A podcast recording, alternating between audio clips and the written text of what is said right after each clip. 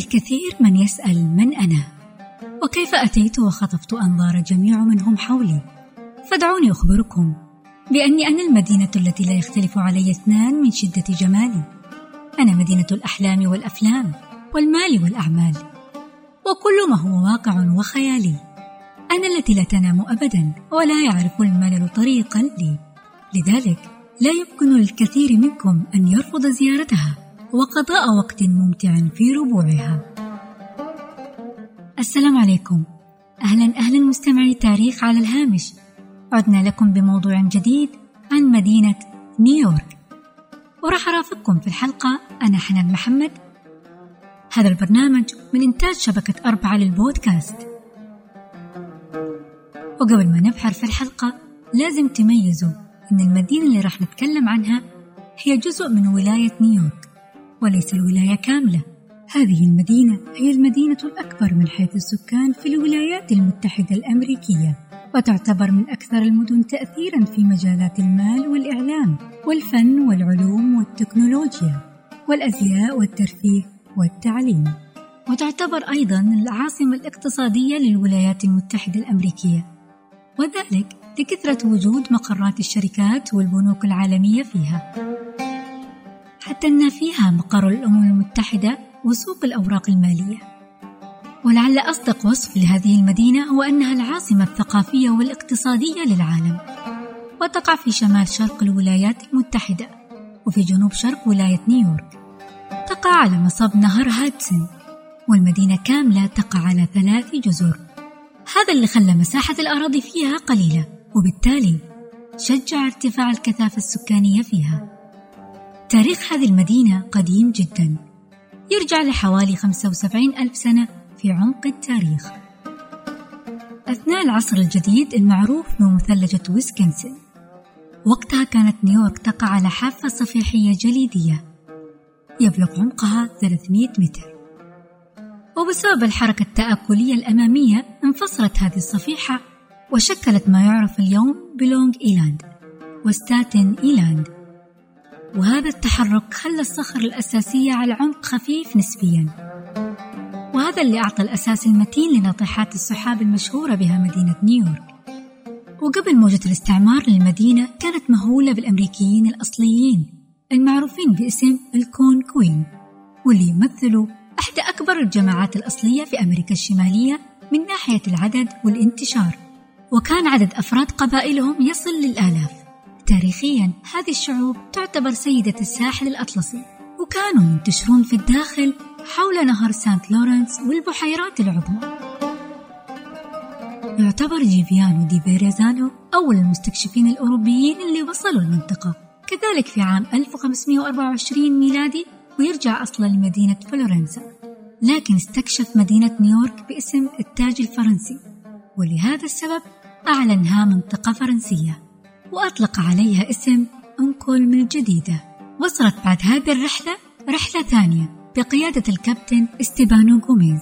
وهو من جنسية برتغالية لكنه كان يعمل تحت سلطة الإمبراطور شارل الخامس. وكان وصوله في عام 1525 واستأجر منبع نهر هادسون وأطلق عليه اسم نهر سان أنطونيو. عام 1609 أعاد المستكشف الإنجليزي هنري هيدسون اكتشاف ميناء نيويورك في الوقت اللي كان يبحث عن الممر الشمالي الغربي المؤدي إلى أورينت لصالح شركة الهند الشرقية الهولندية وأبحر عبر نهر الشمال المعروف اليوم بنهر هادسون وقد وصف نائب الربان هيدسون الميناء بأنه ميناء جيد للغاية لجميع أنواع الرياح ووصف النهر قائلا أنه مليء بالأسماك.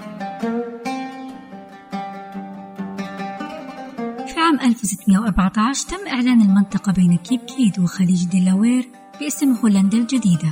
وهذا الوجود الأوروبي في هولندا الجديدة جعل نيويورك تحتل الترتيب 12 كأقدم مستوطنة استعمرها الأوروبيون في الولايات المتحدة. وبعد ازدهار تجارة الفراء الهولندية على جزيرة غوفرنرز منذ عام 1625 بدأ تأسيس قلعة وحصن أمستردام واللي سمي لاحقا أمستردام الجديدة. واللي أصبح في النهاية يعرف باسم منهاتن السفلى وتمتد حتى والستريت حاليا. في عام 1653 تم بناء حصن مصور بعرض 12 قدم للحماية من هجمات الهنود الأمريكيين الأصليين. في عام 1626 قام الحاكم العام بيتر مينويت بصفته مسؤول في شركة الهند الغربية بشراء جزيرة منهاتن من هنود كنارسي وهم مجموعة عرقية صغيرة. يقال أنه اشتراها مقابل 60 جلدر اللي هي عملة الكنارسي وتم تقدير هذا المبلغ عام 2006 بما يوازي 1000 دولار. وتقول رواية أخرى أن الشراء تم مقابل خرز بقيمة 24 دولار. واضح أنها كانت صفقة رابحة. تم تشجيع الهجرة إلى أمستردام الجديدة بسبب النمو البطيء. تم وضع قانون أن كل من يجلب خمسين مستعمر إلى هولندا الجديدة ستمنح له أراضي واسعة. وكان هذا يشجع الأثرياء على استقطاب الراغبين في الهجرة. وكان أيضا من بين الامتيازات الممنوحة لهم حق الاستقلال السياسي والمشاركة في تجارة الفراء المربحة. ومع كل هذه الإغراءات حقق البرنامج نجاح محدود. وذلك بسبب احتكار شركة الهند الغربية الهولندية للأعمال. وفي محاولة لتنمية الاقتصاد تخلت هذه الشركة عن مبدأ الاحتكار في تجارة الفراء. وهذا أدى إلى نمو تجارة الأغذية والأخشاب والدبغ والعبيد. بحلول عام 1647 كان المدعو بيتر ستايفسنت المدير العام لشركة الهند الغربية الهولندية وكان معروف إنه رجل صارم. لكن تطبيقه النظام ساهم في ارتفاع عدد سكان هولندا الجديدة خلال عهدته من 2000 إلى 8000 نسمة. لكنه كان رجل ديكتاتوري حيث حاول السيطرة على كنيسة الإصلاح الهولندية ومنع الجماعات الأخرى من إنشاء دور عبادة منها الكوكرز واليهودية واللوثرية. وهذا أدى إلى مقاومة من طرف السكان. في عام 1664 أصبح ستايفسنت عاجزا عن المقاومة مما اضطره للاستسلام أمام القوات الإنجليزية وتسليمهم لأمستردام الجديدة. وبفضل شروط الاستسلام سمح للسكان الهولنديين بالبقاء في المستعمرة كما منحوا حرية الممارسة الدينية وأطلق الإنجليز على المدينة اسم نيويورك تكريما للدوق يورك الملك المستقبلي جيمس الثاني. وتم توثيق نقل السلطة بمعاهدة بريدة التي أنهت الحرب الإنجليزية الهولندية الثانية. ولكن السلام لم يعمر طويلا فسرعان ما اندلعت الحرب الإنجليزية الهولندية الثالثة. وخلالها تم الاستيلاء على مستعمرة نيويورك من إنجلترا وسموها نيو أورنج. على شرف ويليام الثالث أمير أورنج. ثم بموجب معاهدة ويستمنستر تم إعادة نيويورك إلى الإنجليز. تحت الحكم البريطاني زادت أهمية نيويورك باعتبارها ميناء تجاري وأصبحت مركز للعبودية. فقد كانت 42% من الأسر تحتفظ بالعبيد حتى عام 1700 وأصبحت العبودية مرتبطة باقتصاد نيويورك. وفي التسعينات من القرن العشرين أثناء بناء محكمة فيدرالية بالقرب من ميدان بولي اكتشفت مقبرة دفن إفريقية حيث عثر على الآلاف من الأفارقة وقد دفنوا هناك في سنوات الاستعباد. تم تأسيس تنظيم أبناء الحرية في أكتوبر عام 1765 أثناء عقد مؤتمر قانون الطوابع في نيويورك. وقد قام هذا التنظيم بمناوشات على مدى عشر سنوات مع القوات البريطانية المتمركزة في المدينة. وقد خاض معركة لونج إيلاند التي تعد أكبر معركة في حرب الثورة الأمريكية في أغسطس عام 1776 وانهزموا في هذه المعركة. مما أدى بالبريطانيين بجعل المدينة قاعدة لعملياتهم العسكرية والسياسية في أمريكا الشمالية. وصارت المدينة ملجأ للعبيد الهاربين واللاجئين المواليين لبريطانيا. خاصة بعد الوعد الذي قدمه التاج البريطاني بالحرية للجميع. وقد وصل عدد العبيد الذين تمركزوا في المدينة إلى عشر آلاف. وتم اختيار نيويورك عاصمة للولايات المتحدة عام 1785 كما تم تعيين جورج واشنطن أول رئيس عام 1789 وبهذا تكون نيويورك أول عاصمة في تاريخ الولايات المتحدة كدولة مستقلة.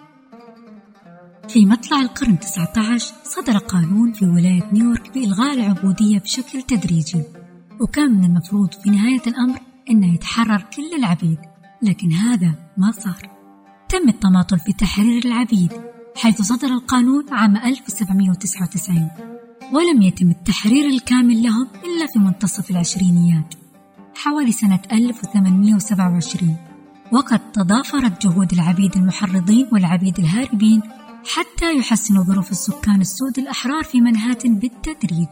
وبدعم من المؤسسين الولايات المتحدة مثل ألكسندر هاملتون وجون جاي قامت جمعية العتق في نيويورك بتأسيس مدارس التعليم المجاني للأطفال السود. وقد كافح السود المحررين للتخلص من التمييز العنصري واستمر نشاطهم لسنوات طويلة. وكان من بين قادتهم خريجي المدرسة الإفريقية الحرة. فهذاك الوقت بلغ عدد سكان المدينة من السود 16 ألف. في حدود عام 1840 وهذيك الفترة من القرن التاسع عشر هي الفترة اللي شهدت نهضة المدينة وتحولها لمركز تجاري بسبب الهجرة الأوروبية. وتبنت المدينة خطة توسيعية من خلال مد شركة الشوارع حتى تغطي كل المدينة. وكمان بعد الانتهاء من قناة آيرين ربطوها بوسط نيويورك عام 1825 وبالأسواق والسلع الزراعية في أمريكا عبر نهر هادسون والبحيرات العظمى. وسيطرت على المدينة منظمة مدعومة من المهاجرين الأيرلنديين والألمان. وهنا نتساءل كيف وصلوا إلى نيويورك؟ بسبب المجاعة اللي صارت في إيرلندا المعروفة تاريخيا باسم المجاعة الكبرى انتقل الكثير من الإيرلنديين للهجرة إلى نيويورك. وصل عددهم إلى حوالي 200 ألف في عام 1860 وبالتوازي مع هجرة الإيرلنديين كان هناك هجرة كبيرة من الألمانيين. كان الحزب الديمقراطي هو المسيطر على الحكم في نيويورك لأنه دائما كان يتم انتخاب مرشحينه وهذا اللي زاد من ارتباط المدينة بالجنوب من خلال الحرب الأهلية اللي دامت من 1861 إلى 1865 ميلادي. تصاعد الغضب الشعبي من التجنيد الإجباري خاصة أن الأثرياء كانوا يدفعون 300 دولار حتى يتجند غيرهم في مكانهم. وفي النهاية اندلعت أعمال العنف وكان أكثر المشاركين فيها هم الطبقة العاملة الإيرلندية. حتى وصل العنف إلى الهجوم على النخبة من مجتمع نيويورك وكمان هجوم على أملاك السود. وهذا أدى إلى منافسة كبيرة بين المهاجرين الإيرلنديين والسود لمدة عقد من الزمان. كانت مدينة بروكلين تعتبر منفصلة عن مدينة نيويورك حتى عام 1898 حتى جرى ضمها للمدينة. في عام 1904 تم افتتاح مترو الأنفاق وهذا اللي ساعد في انفتاح المدينة. وهذا النفق بني أول مرة حتى يربط بين أجزاء المدينة الجديدة وبحلول منتصف القرن العشرين صارت نيويورك مركز للصناعة والتجارة والاتصالات. خلونا نركز شوي ونرجع كم سنة لورا. في عام 1890 كان عدد السكان غير البيض في نيويورك 36620 وفي مطلع القرن العشرين. كانت هذه المدينة هي الوجهة الرئيسية للأمريكيين الأفارقة حيث هاجر لها أكثر من 6 مليون أمريكي إفريقي من مختلف مناطق الولايات المتحدة. وهذا خلى نيويورك بحلول عام 1916 أكبر موطن للجالية الإفريقية في أمريكا. بعد الحرب العالمية الثانية ساهم العائدون من الحرب في الازدهار الاقتصادي في شرق كوينز ومقاطعة ناسو وفي الضواحي المماثلة مثل نيو جيرسي. أما مقر الأمم المتحدة فاكتمل بناؤه عام 1952 وهذا أعطى نيويورك قوتها السياسية. أما في مجال الأزياء ظهور حركة تعبيرية مجردة خلت نيويورك وجهة بديلة للفن وأخذت مكانها باريس. لكن في السبعينيات ظهرت مشاكل اقتصادية كبيرة وارتفع معدل الجريمة. بسبب خسارة الكثير من الوظائف اللي حصلت أثناء إعادة الهيكل الصناعي.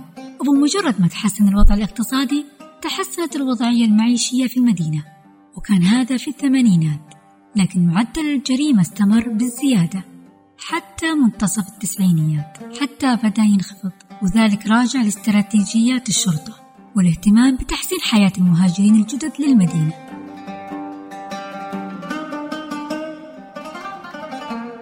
وأنجبت ولاية نيويورك الكثير من الأدباء والفنانين والسياسيين ومعظمهم ساهم في نمو المدينة بشكل من الأشكال. هيرمان مالفيل وهو من أبرز الروائيين اللي أنجبتهم مدينة نيويورك. ولد في أغسطس عام 1819 والرواية اللي رفعتها عاليا في مقام الأدب هي رواية موبي ديك أو الحوت الأبيض. وهي الرواية اللي تحكي صراع بين قبطان والحوت الأبيض اللي سبب في غرق سفينة سابقا. وقطع رجله لكنه أقسم أن ينال منه. وتعتبر هذه الرواية ملحمية. لكن المفارقة أن هذه الرواية لاقت فشل ذريع عندما نشرت لأول مرة. ولم تأخذ حقها إلا في القرن العشرين وبعد موت الكاتب. إليانور روزفلت ولدت في 11 أكتوبر عام 1884 في منهاتن بنيويورك وكانت ابنة أخ الرئيس تيودور روزفلت وقد عاشت طفولة صعبة لأنها فقدت أول شيء أمها ثم أخوها ثم أبوها. كانت زعيمة سياسية وكان لها تأثير كبير. وصارت السيدة الأولى من عام 1933 إلى عام 1945 وكانت كمان من أبرز دعاة الحقوق المدنية. لقبها الرئيس هاري ترومان بالسيدة الأولى في العالم نظرا لإنجازاتها في حقوق الإنسان. وكانت آراءهم مثيرة للجدل خاصة في مجال حقوق الأفارقة السود اللي طلبت بتمتعهم بالحقوق المدنية الكاملة. وبعد ما توفى زوجها عام 45 ظلت نشطة في عالم السياسة حتى أنها ضغطت على الولايات المتحدة حتى تنضم للأمم المتحدة. وكانت هي أول ممثل لها وكانت رئيسة البعثة الأممية لحقوق الإنسان. وأشرفت على صياغة الإعلان العالمي لحقوق الإنسان. ماتت في نوفمبر عام 1962 خلونا نتعرف على شخصية أخرى من أبناء مدينة نيويورك. هالمرة راح تكون شخصية غريبة شوي لكنه مشهور. هو فرانك أباغانيل ولد في 27 إبريل عام 1948 يبدو أنه ما زال على قيد الحياة. فرانك هذا يا أعزائي المستمعين اشتهر في الستينيات من القرن الماضي بأنه كان يسافر باستخدام هوية مزورة. ومن كثر ما قصته مليانة تفاصيل مثيرة تم إنتاج فيلم بعنوان Catch Me If You Can ولعب دور فرانك الممثل الشهير ليوناردو دي كابريو أول عملية احتيال قام بها فرانك إن بعد ما قدم لها أبوه بطاقة ائتمان اشترى كمية كبيرة من قطع غيار السيارات. وكان متفق مع موظف محطة البنزين إنه يحط هذه المشتريات على حساب أبوه. ويعطي مبلغ لفرانك وبلغ ثمن المشتريات 3400 دولار. وبالطبع لم يتم محاكمته على هذه الجريمة لأنه كان قاصر. وكل الجرائم اللي قام بها فرانك كانت قبل بلوغ 19 يعني بين 16 و 18 سنة. قام بعدة عمليات عن طريق شركة الخطوط الأمريكية بنام. وشرحت الشركة أن هذا المحتال في خلال هذه السنوات قام بحوالي 250 رحلة إلى 26 بلد بشكل غير قانوني. والحيلة اللي ساعدته ينفذ هذا الاحتيال هو أن ادعى أنه هو الطيار. وكان هذا الطيار بالصدفة يسافر للوجهة اللي بتسافر لها الطيارة. يعني هو ما كان يهمه وين رايح. المهم إنه يسافر مجانا.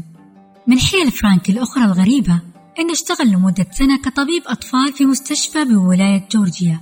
لأنه كان أقام علاقة صداقة مع أحد الأطباء كلفوه يشرف على التدريب كالأطباء المتدربين مؤقتا. ومن حسن الحظ إن هذا التكليف ما خلاه يتولى أي عمل طبي حقيقي. في النهاية طبعا وقع في يد العدالة. إذا حابين تعرفوا المزيد عن قصة فرانك ما عليكم إلا تتركوا لنا هذا في التعليقات. وراح نخصص حلقة لفرانك. من الشخصيات الشهيرة جدا من أبناء نيويورك آل كابوني واسمه الكامل ألفونس جابرييل كابوني وهو من أصول إيطالية ولد في نيويورك بتاريخ 17 يناير 1899 ومات في 25 يناير 1940 هو أحد زعماء الجريمة المنظمة أو باختصار المافيا في نيويورك وكان سيء السمعة جدا وانتقل إلى شيكاغو في بداية العشرينات من عمره. وصار الحارس الشخصي لزعيم المافيا جوني توريو اللي كانت عصابته تنتج الكحول وتبيع وصار من المشاهير بعدما تولى القيادة بعد موت جوني توريو. حتى أنه كان عنده شعبية بين الناس لكن بعد قتله لسبعة من عصابة منافسة له في وضح النهار اختلفت نظرة الناس له وطلبوا من الحكومة أن تطلق عليه اسم العدو العام رقم واحد. وبالفعل قررت السلطات الفيدرالية أن تسجن آل كابوني بتهمة التهرب الضريبي وحكم عليه بالسجن 11 سنة وفشلت محاولاتها باستئناف الحكم. قضى في السجن ثمان سنوات وأطلق سراحه بعدما بدأ يظهر عليه علامات مرض خرف الزهري العصبي وتوفي بسكتة قلبية. بعد ما تعرفنا على مشاهير من مدينة نيويورك تعالوا نتعرف على معالم بارزة في مدينة نيويورك. تمثال الحرية مثلا. طبعا أكيد هو أشهر معلم في مدينة نيويورك. لأنه يستقبل المهاجرين يعني هو كان يستقبل المهاجرين القادمين من أوروبا. هذا التمثال هو نصب معدني في باريس من قبل النحات الفرنسي فريدريك بارتوليدي وساعده المهندس غوستاف إيفل اللي بنى. وكان هدية من فرنسا إلى الولايات المتحدة بمناسبة عيد الاستقلال. والتمثال عبارة عن امرأة تحمل شعلة في يدها اليمنى وفي اليد اليسرى لوحة مكتوب عليها تاريخ 4 يوليو عام 1776 اللي هو تاريخ إعلان استقلال الولايات المتحدة. والتمثال يقع في خليج مدينة نيويورك. سنترال بارك. وهي أشهر حديقة في مدينة نيويورك ومساحتها تبلغ 3.4 كيلومتر مربع. سنويا يزورها حوالي 3705 مليون زائر. وصممها فريد اللي فاز بمسابقة التصميم المنظمة لتصميم حديقة في نيويورك. اكتمل بناء الحديقة عام 1873 وتم اختيارها كمعلم وطني تاريخي عام 1962 الأمريكي للتاريخ الطبيعي ويقع هذا المتحف في الجانب الغربي. هو أكبر المعالم وأشهرها حول العالم وفيه مجمع متاحف عددها حوالي 27 مكونة من مباني سكنية مترابطة وفيه أكثر من 45 قاعة. إضافة للقبة السماوية والمكتبة. يوجد في هذا المتحف أكثر من 32 مليون عينة من النباتات والحيوانات والحفريات والمعادن والصخور والنيازك والمتاحف الثقافية الإنسانية. وتأسس عام 1869 في فترة حكم جونسون هافمون اللي وقع رسميا مشروع قانون إنشاء المتحف للتاريخ الطبيعي في 6 أبريل عام 1869 وتم وضع حجر أساس البناء في عام 1874 بناء على تصميم المهندس كليفرد فوربي وافتتح المتحف في عام 1877 وكانت تبلغ مساحته الإجمالية 150 ألف متر مربع وعدد الموظفين فيه 225 موظف بدوام كامل. ويقدم المتحف لأكثر من 120 بعثة ميدانية خاصة كل عام متوسط عدد زواره 5 مليون زائر في العام. Time Square ميدان ال Time Square يعتبر أشهر ميدان في العالم. واحد من أهم المراكز التجارية في نيويورك وهو كمان من أكثر الوجهات السياحية جذبا في العالم بحيث يزوره حوالي 50 مليون شخص ويقع في وسط مدينة نيويورك وأخذ اسمه من مقر مبنى جريدة نيويورك تايمز ويعرف باسم المكان الذي لا ينام أبدا وتقول الإحصائيات أنه يمر عبره 330 ألف شخص يوميا. فيه كثير من ناطحات السحاب والشاشات الإعلانية الكبيرة والكثير من فنانين الشارع اللي قاموا بعروض فنية مختلفة. وطبعا فيه الكثير من المحلات التجارية والعديد من الأماكن الترفيهية.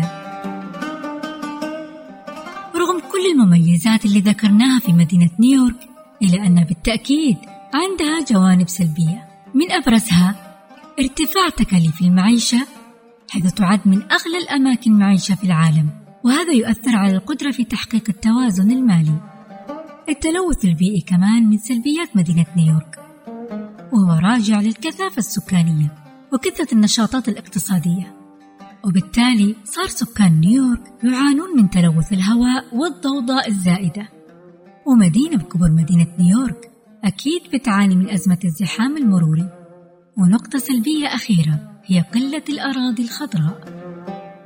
يقول ترومان كابوت أحب نيويورك.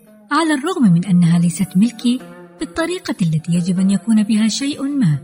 شجرة أو شارع أو منزل شيء ما على أي حال. ينتمي إلي لأنني أنتمي إليه. وإلى هنا نصل إلى ختام حلقة اليوم.